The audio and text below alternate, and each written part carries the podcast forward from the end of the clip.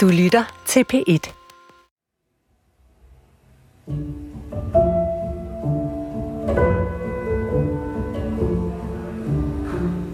Der sidder en forhudlet mand og drikker sig fuldkommen ned på et værtshus i byen Hobart på Tasmanien. De fleste andre gæster betragter ham som det han nok også er, nemlig en sut. Men han bliver tålt. Han har haft et hårdt liv, men det er der så mange i Hobart, der har. Man skal jo tænke på, hvor stor en del af indbyggerne her, der er kommet hertil som straffefanger. Han er sådan en, man helst ikke skal stille for mange spørgsmål, for så stopper han ikke med at snakke. Man får hele hans livshistorie, og han taler som et vandfald, og så er han også storskrydende. Lige indtil han bliver ynkelig. Det er næsten altid sådan, det ender. Og så prøver han på at låne penge af en, så han kan få sig en ekstra pint. Han var selv dengang de første sten blev lagt for cirka 40 år siden. Han var en del af den ekspedition, der overhovedet bestemte, at man kunne skabe en koloni her. Men så rejste han væk igen, og så skete der en masse ting. Han taler et flydende og smukt og lidt højstemt engelsk, men hans accent er meget mærkelig. Men han har vist nok også været konge på en skandinavisk ø engang. Og han har vist også været hemmelig spion for den britiske krone. Men det var jo altså også før han returnerede her til Hobart i Tasmanien som straffefange. Manden på værtshuset hedder Jørgen. Et navn ingen af de lokale kan udtale. Og han er lidt af en levende legende på Tasmanien. Og så er han berygtet i England. Og ikke mindst i Danmark.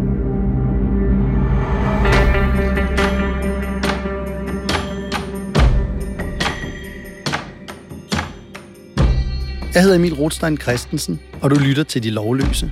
En serie om danskere, der gennem tiden har sat sig uden for landslov og ret og været med til at ændre verdenshistorien. Det her det er tredje episode, og den handler om en mand, der hedder Jørgen Jørgensen. En af de mest ufattelige danske livsforløb nogensinde.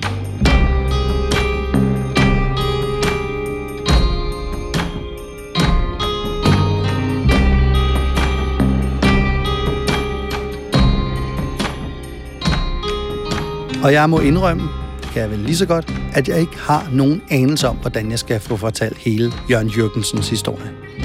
Man får sådan nærmest en form for stress, når man læser op på ham, fordi der sker så vanvittigt meget hele tiden igennem hele hans liv, fra han bliver født i København i 1780, og til han dør i Tasmanien 61 år senere. Men heldigvis er Jørgen Jørgensen også den bedst beskrevne af alle de lovløse hovedpersoner, som den her serie er fuld af. Der er skrevet flere bøger om ham, så dem skal du huske at læse. Og så burde der også snart være en eller anden, der lavede en film om ham. Det burde der sådan set være om alle de folk, jeg fortæller jer om. Det kunne være virkelig fedt. Men det er et sidespor. Lad mig i stedet for at præsentere min øh, medfortæller i den her historie. Jeg hedder Søren Mens, og jeg er museumsleder på Museum Amager. Og så har jeg tidligere været museumsinspektør på Frederiksborg Slot. Søren er også historiker og har en Ph.D. i international handelshistorie, og han vil assistere mig i fortællingen om Jørgensen. Det er svært at se uh, Jørgen Jørgensen have en plan for sit liv, fordi det er jo meget tilfældigt, det der sker. Der er ikke langt fra succes til, til den hurtige død.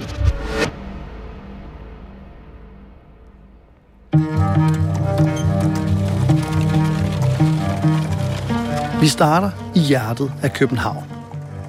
På Østergade. Det er den del af strøget, der ligger tættest på Kongens Nytorv. Og her i 1780 er det nok det smarteste sted i hele byen. Der ligger flotte modebutikker, og så er det også blevet et sted, hvor alle de fine folk promenerer. Der er nemlig blevet bygget nogle af de allerførste fortog, og det gør det jo en del lettere for de fine unge kvinder ikke at få svinet deres lange kjoler til, mens de spacerer. Og i det hele taget gør det det jo også lettere for folk ikke at springe for livet, når der kommer en drosje med hestespand hamrende i fuld fart ned ad gaden. Og i det her meget, meget levende univers bliver Jørgen Jørgensen altså født i en periode i dansk historie, som man plejer at kalde for den florisante handelstid. Og det er altså en periode, hvor, hvor Danmark og danske købmænd bliver rigtig rige. Jørgens far er kongelig hofurmager. Det er et job, der betyder, at han har ansvaret for, at klokken slår og tiden går, som den skal op på kongeslottet. Det er en meget betydningsfuld og ærefuld stilling, Og selvom familien ikke er hammerende rige, så er de på grund af farens job og deres adresse på Østergade alligevel en del af det københavnske jetset her i slutningen af 1700-tallet. Og ligesom de andre smarte folk i byen, så bliver Jørgen også sendt på den spritnye skole efter slægten, som forældre i det bedre borgerskab opretter for at bidrage til ungdommens lyksalighed, som det hedder. Og hvor man vil indprinte ungdommen sunde begreber, sådan at de kan vende sig til at bidrage til andres lyksalighed. Og jeg kan allerede her afsløre, at Jørgen kommer til at have sin helt egen måde at fortolke de her grundsætninger på, og til den måde, han prøver at bidrage til andres lyksalighed. Nå, men Jørgen er totalt umulig i skolen. Han hader at være der, og lærerne hader også, når han er der. Og det ender simpelthen med, at faren, hofurmageren, må indse, at det aldrig kommer til at gå med Jørgen og en uddannelse, selvom sønnen egentlig er ret godt begavet. Så han bliver hævet ud af skolen, men det gør ikke situationen bedre at have ham derhjemme, for hverken hans mor eller far kan holde ham ud. Og Jørgen føler sig ærligt talt heller ikke særlig elsket derhjemme. Så i stedet for, så driver han rundt i byen, og han kommer til at styre en af de københavnske drengebander, der huserer på det her tidspunkt. Og det betyder også, at han konstant er op og slås. De gamle damer på gaden, de gemmer sig for ham, og de små børn er bange for, at han skal slå dem med sådan en lille pisk, han render rundt med i baglommen. Det eneste sted, hvor Jørgen rigtig godt kan lide at være, det er havnen. Der kan han sidde i timevis og bare glo på skibe og sømænd og alle mulige eksotiske og spændende varer. Det er samtidig også det eneste tidspunkt, hvor der er fred i hjemmet og i nabolaget. På et tidspunkt, der går det op for faren, at hans søn godt kan lide at dangdere den nede i havnen. Og der får han en god idé. Der er lige kommet et engelsk kulskib til byen, og han får overtalt kaptajnen til at hyre sin udulige søn som skibsdreng. For ham er det ligesom at slå tre fluer med et smæk. Familien kan slippe af med Jørgen. Jørgen kan slippe væk fra familien.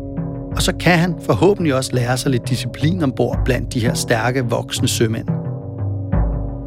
Det var ikke usædvanligt at kigge ud over øh, landets grænser. Altså, den fluorescente købmands univers var, var bred.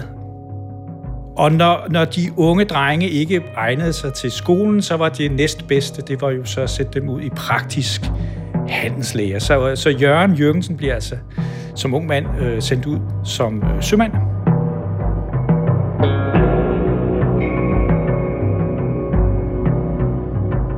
Jørgen kommer virkelig til at lære noget ombord. Alt det engelsk, han ikke har kunne samle sig om i skolen, og al hans manglende disciplin, får han simpelthen banket ind i hovedet af de her engelske sømænd. Og så får han set verden.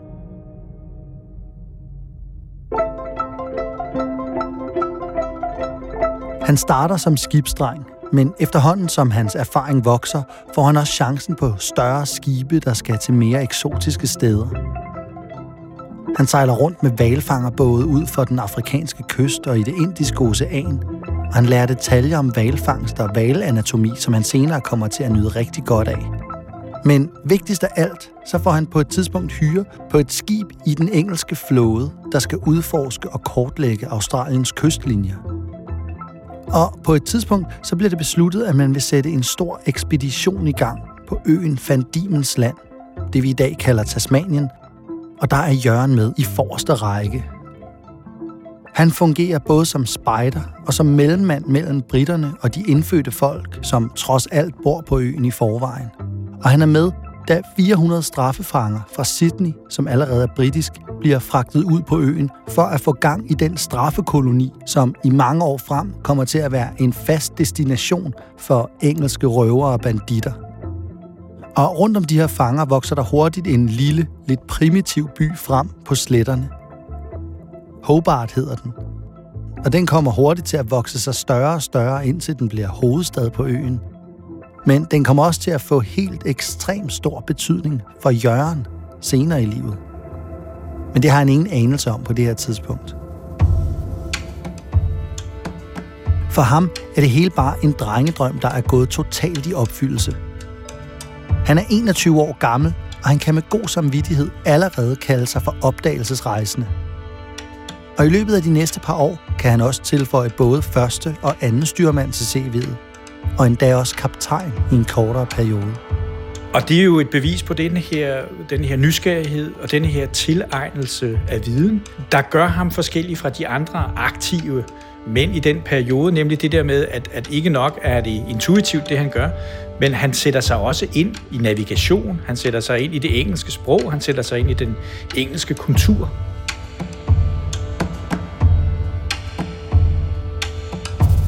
Der går 12 år, før Jørgen igen vender hjem til København, som en voksen, hærdet og enormt berejst mand. Han har meget, han gerne vil fortælle, og han vil også gerne blære sig over for sin familie. Han har selv regnet sig frem til, at han nok er den første dansker i verden, der har rejst jorden rundt to gange. Det er lidt som om, at det sorte får er blevet til en hvid svane. Og Jørgens plan om at imponere familien går, til at begynde med, lige efter bogen.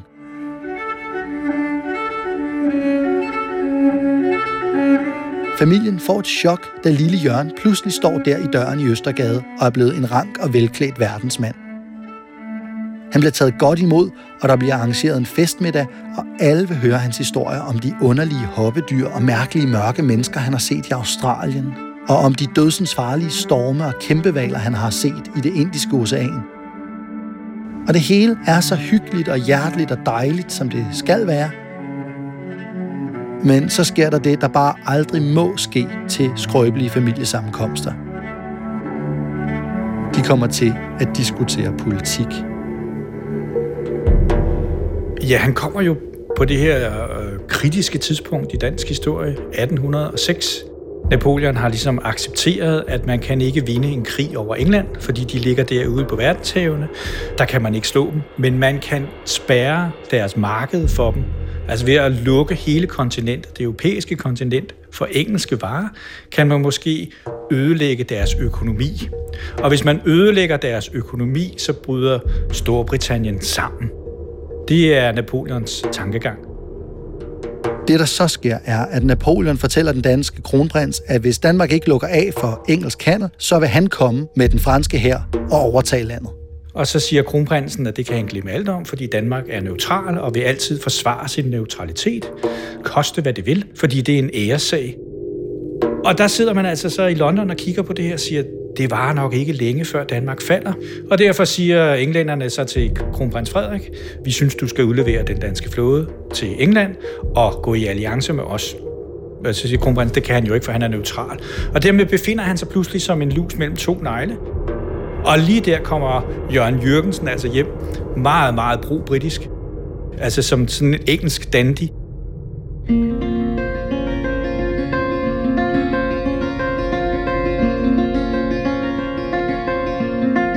Jørgen elsker englænderne, og han holder med England i krigen mod Frankrig og Napoleon. Og han føler sig efterhånden også lige så meget som en englænder, som han føler sig dansk. Også selvom han ikke kan komme af med sin meget københavner-danske accent. Han er når man læser hans skrifter, sådan en britisk gentleman. Han har de her britiske frihedsværdier. Storbritannien er jo et konstitutionelt monarki, at det vil sige, at kongen bestemmer ikke så meget som i Danmark, men man har et parlament med valgte medlemmer, og det er han egentlig meget inspireret af og, og lufter alle mulige engelske hvad hedder det, synspunkter, og bliver altså anset som en lille smule suspekt og så blusser det dårlige forhold mellem far og søn op igen, og hofurmagerfaren fortæller Jørgen, at han skal holde sine britiske sympatier for sig selv. Jørgen forsøger at holde mund, men rygterne om, at den hjemvendte Jørgensen muligvis skulle være britisk spion, er allerede begyndt at sive i det borgerlige miljø i København. Og nogenlunde samtidig med det her, får England nok af at vente på, at Danmark skal komme til fornuft – eller det de i hvert fald mener er fornuftigt. Og det ender som et par mindeværdige dage i Københavns historie.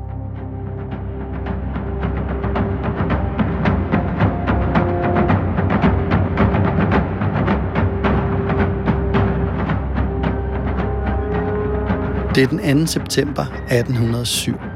Solen er godt i gang med sin nedstigning og med at male sensommerhimlen i orange og lilla nuancer da den pludselig får hjælp til sit arbejde fra en uventet kant.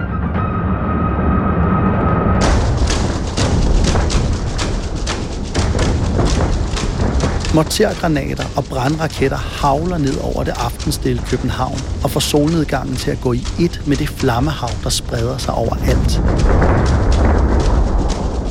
København er under angreb.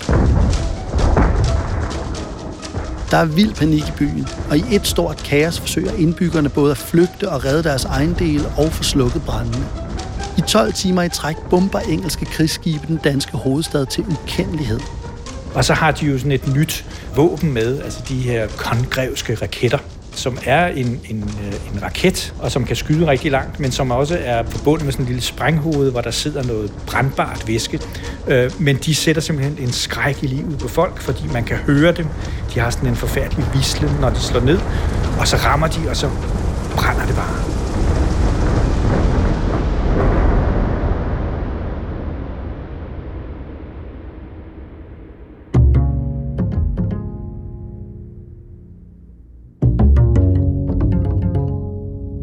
Angrebene fortsætter i flere dage, indtil København kapitulerer. Englænderne får udleveret den danske flåde og belejrer derefter byen. Jørgen Jørgensen er ikke selv i byen under bombardementet. Familien er i tide blevet tippet om, at der muligvis er et angreb under opsejling, så de er taget på landet i sikkerhed. Men da Jørgen et par dage efter bombardementet kommer tilbage til København, ser han, hvordan byen er blevet smadret. Der ligger lige i gaderne, Grise og køer og heste løber frit rundt imellem byens ruiner, og der er ingenting, der ligner sig selv. Og der skal man også huske på, at det her det sker kun 10 år efter Københavns brand, hvor man simpelthen måtte bygge halvdelen af byen op på ny. Så det er virkelig tavligt og hensynsløst, det englænderne har gjort. Især fordi det stort set kun er gået ud over civile. Jørgensen er rasende på englænderne over den måde, de har gjort det her på. Men samtidig så kan han ikke lade være med hele tiden at skulle forklare, hvorfor han stadig synes, England er bedre end Napoleon og Frankrig. Og det er klart nok et rimeligt upopulært synspunkt lige på det her tidspunkt.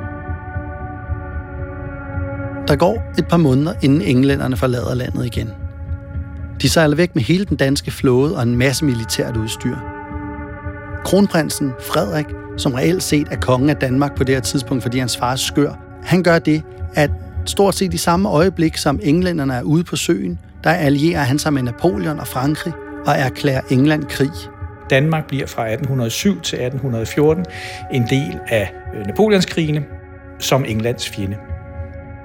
Og så bliver en intermistisk her ellers bakset sammen, og kronprinsen befaler alle mænd mellem 18 og 50 år, at de skal stille sig til rådighed. Og det gælder også for Jørgen Jørgensen, urmagerens søn, med de britiske sympatier.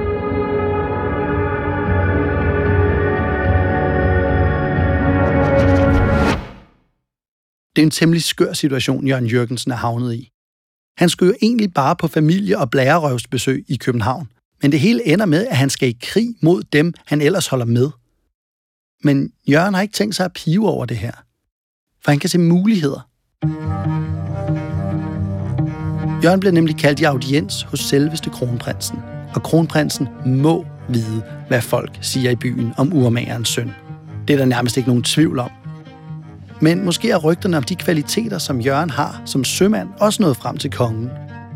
Enten det, eller også har kronprinsen været et psykologisk geni, der ved, at han kan få dobbelt så meget power ud af en fyr med ryggen mod muren, end en, der har alt at miste. For Jørgen er virkelig presset og upopulær på det her tidspunkt. Jørgen får kommandoen over et ret stort skib i den nye flåde, som kronprinsen forsøger at få sat sammen. Det er blevet udrustet med 28 kanoner, og der er plads til over 90 mand ombord. Og samtidig der får Jørgen stukket et kaperbrev i hånden. Det betyder, at Jørgen nu har royal tilladelse til at føre sig frem som sørøver, så længe det kun går ud over skib, der tilhører de lande, Danmark er fjender af. Det vil sige især England. Men det, der er vigtigt for Jørgen, det er, at det her det er en gylden mulighed for ham til at modbevise alle sine kritikere og vise, at han er en stolt dansk patriot helt ind i hjertet.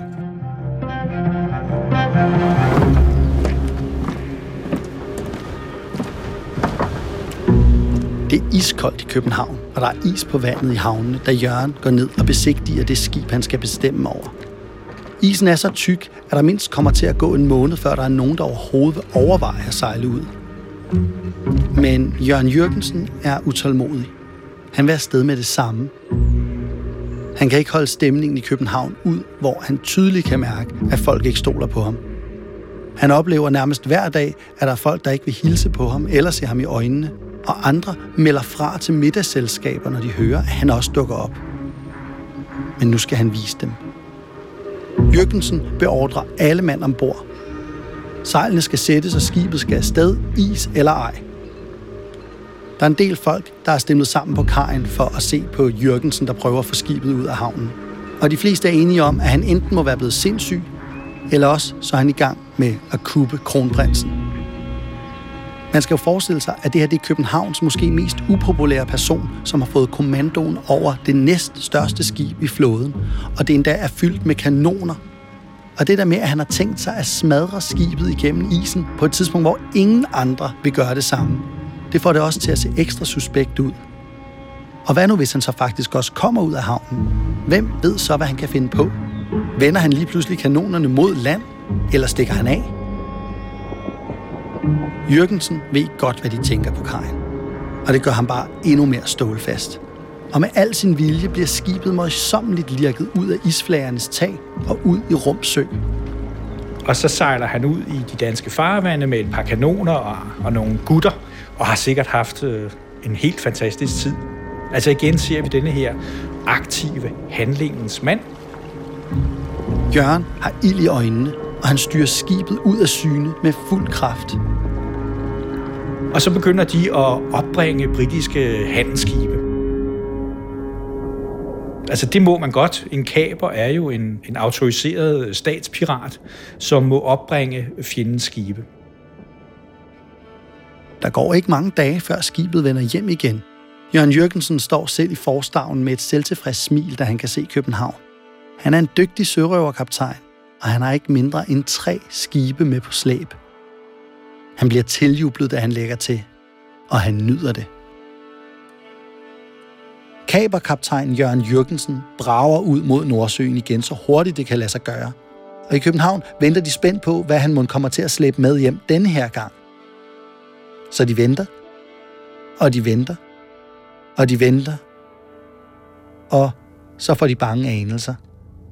Er han egentlig gået over til fjenden, og er han en britisk spion? For Jørgensen og hans skib kommer ikke tilbage. Og historien om, hvorfor Jørgen ikke vender tilbage, den findes i to versioner. På den ene side er der Jørgens egen version. I den, der står Jørgensen bag rattet og har sat kursen mod engelsk farvand. Han er høj af sin succes, og er måske også blevet en smule for overmodet. I hvert fald er det noget rigtig lort, da han opdager, at det, han troede var store handelsskibe, viser sig at være ekstremt veludrustede krigsskibe, og at han ikke kan flygte fra det ene, uden at ende lige i kløerne på det andet. Men Jørgen vælger heldemodigt at tage kampen op og fyre alt sit krudt og alle sine kanonkugler af.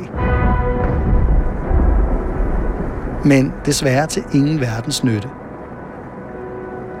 Hans mandskab er nemlig blevet så nervøse, da de ser de her krigsskibe, at de for at dulme nerverne har lavet en tønde med grok gå rundt. Og det er altså noget, man kan blive rigtig, rigtig fuld af.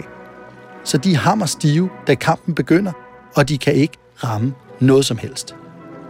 Og samtidig med, at den her nu ret ynkelige danske besætning spilder al deres ammunition, så sørger de engelske skarpskytter for med millimeterpræcision at få smadret masterne, rækken og sejlene på det danske skib – og så står kaptajn Jørgensen sådan set ikke med andet valg, end at overgive sig til sidst.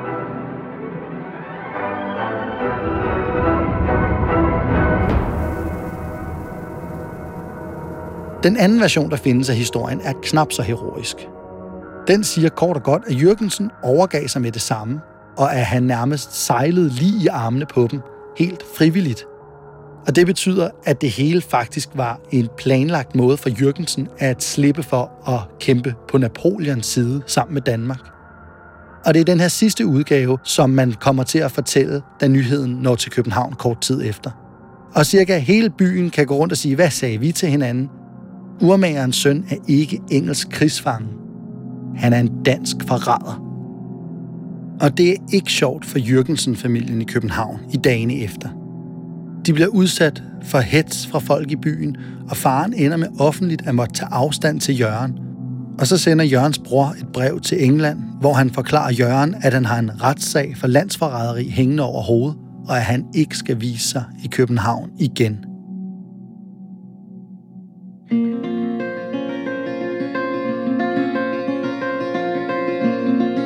Det er virkelig en absurd situation, Jørgen er havnet i. Altså Danmark, hans fædreland, vil ikke have noget med ham at gøre. Og England, det han tænker som sit andet hjemland, og det folkeslag, han identificerer sig med, de holder ham indespærret som krigsfange. Han hører simpelthen ikke til noget sted mere. Og Jørgen bliver rasende, da han hører, at folk i Danmark kalder ham landsforræder, for det er han i hvert fald ikke. Men samtidig så gør han altså ikke særlig meget for at modbevise påstanden. For så snart han er blevet taget til fange, så skifter han det ekstremt danske ø ud med O, sådan så han nu hedder Jorgen Jorgensen. Og på sit meget formfuldendte britiske begynder han at fortælle om sin tid i den engelske flåde, dengang han var med til at udforske Australien, og han lægger ikke fingre imellem, når han fortæller om sin begejstring for det britiske imperium. Og så er han lige pludselig ude af fængslet. Normalt blev danske søfolk de blev interneret på de såkaldte prisonskibe, hvor man så fylder øh, alle de her søfolk ind under nogle forfærdelige forhold. Men af en eller anden mærkelig grund får Jørgensen overbevist sin fangevogter om, at han er jo en britisk gentleman. Jørgen er nu luksusfange i husarrest, men det er altså en husarrest, der gælder hele England. Og den eneste regel er, at han ikke må forlade landet. Og igen, det der, altså, dels bare det at forestille sig selv at sige det, jamen jeg er jo i bund og grund øh, så engelsk som nogen anden, så der er ingen grund til ligesom at internere mig. Jeg er ikke noget til fare for det engelske samfund. I kan trygt lade mig gå rundt i Londons gader. Og det gør han. Alt det må klart nok have virket suspekt for resten af den danske besætning, der bare må sidde og lure i fængslet på vand og brød. Ham der, Jørgen Jørgensen, kan man overhovedet ikke stole på. I hvert fald ikke, hvis man elsker Danmark. Men synet på Jørgen kommer snart til at blive endnu værre. For om kort tid har Jørgen tænkt sig at gøre noget, der vil ødelægge forholdet til hans gamle, men faktisk også hans nye hjemland, fuldstændigt.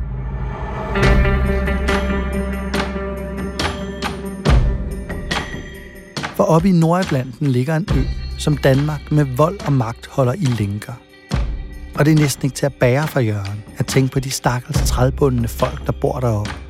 Han vil redde den udpinte ø fra Danmarks klør. Og han vil gøre det med en ægte britisk gentlemans frihedsidealer i hjertet. Krigsfangen Jørgen Jørgensen har tænkt sig at starte en revolution i Island.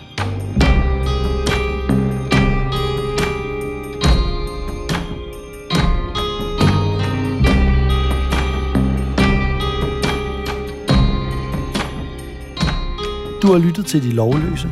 I redaktionen sidder Tobias Ingemann, som også har lavet lyddesignet, og Rune Spar Gertsen er redaktør. Mit navn er Emil Rothstein Christensen.